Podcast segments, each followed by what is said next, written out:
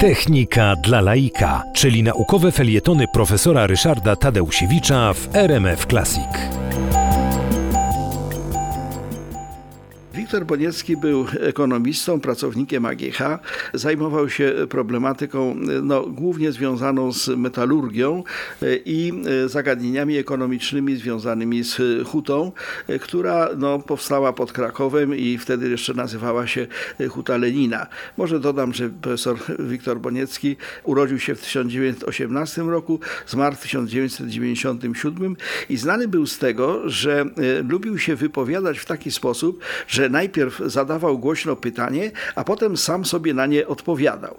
No i w związku z tym jedna z anegdot, jeden z przypadków, kiedy on skorzystał z tej swojej takiej metody e, rozmowy z samym sobą, polegał na tym, że przyjechała jakaś wysoka partyjna delegacja do, na AGH, no, żeby chwalić nową hutę.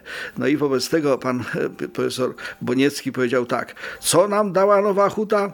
Drogę do mogiły. No bo rzeczywiście do wsi mogiła, droga biednia w kierunku huty.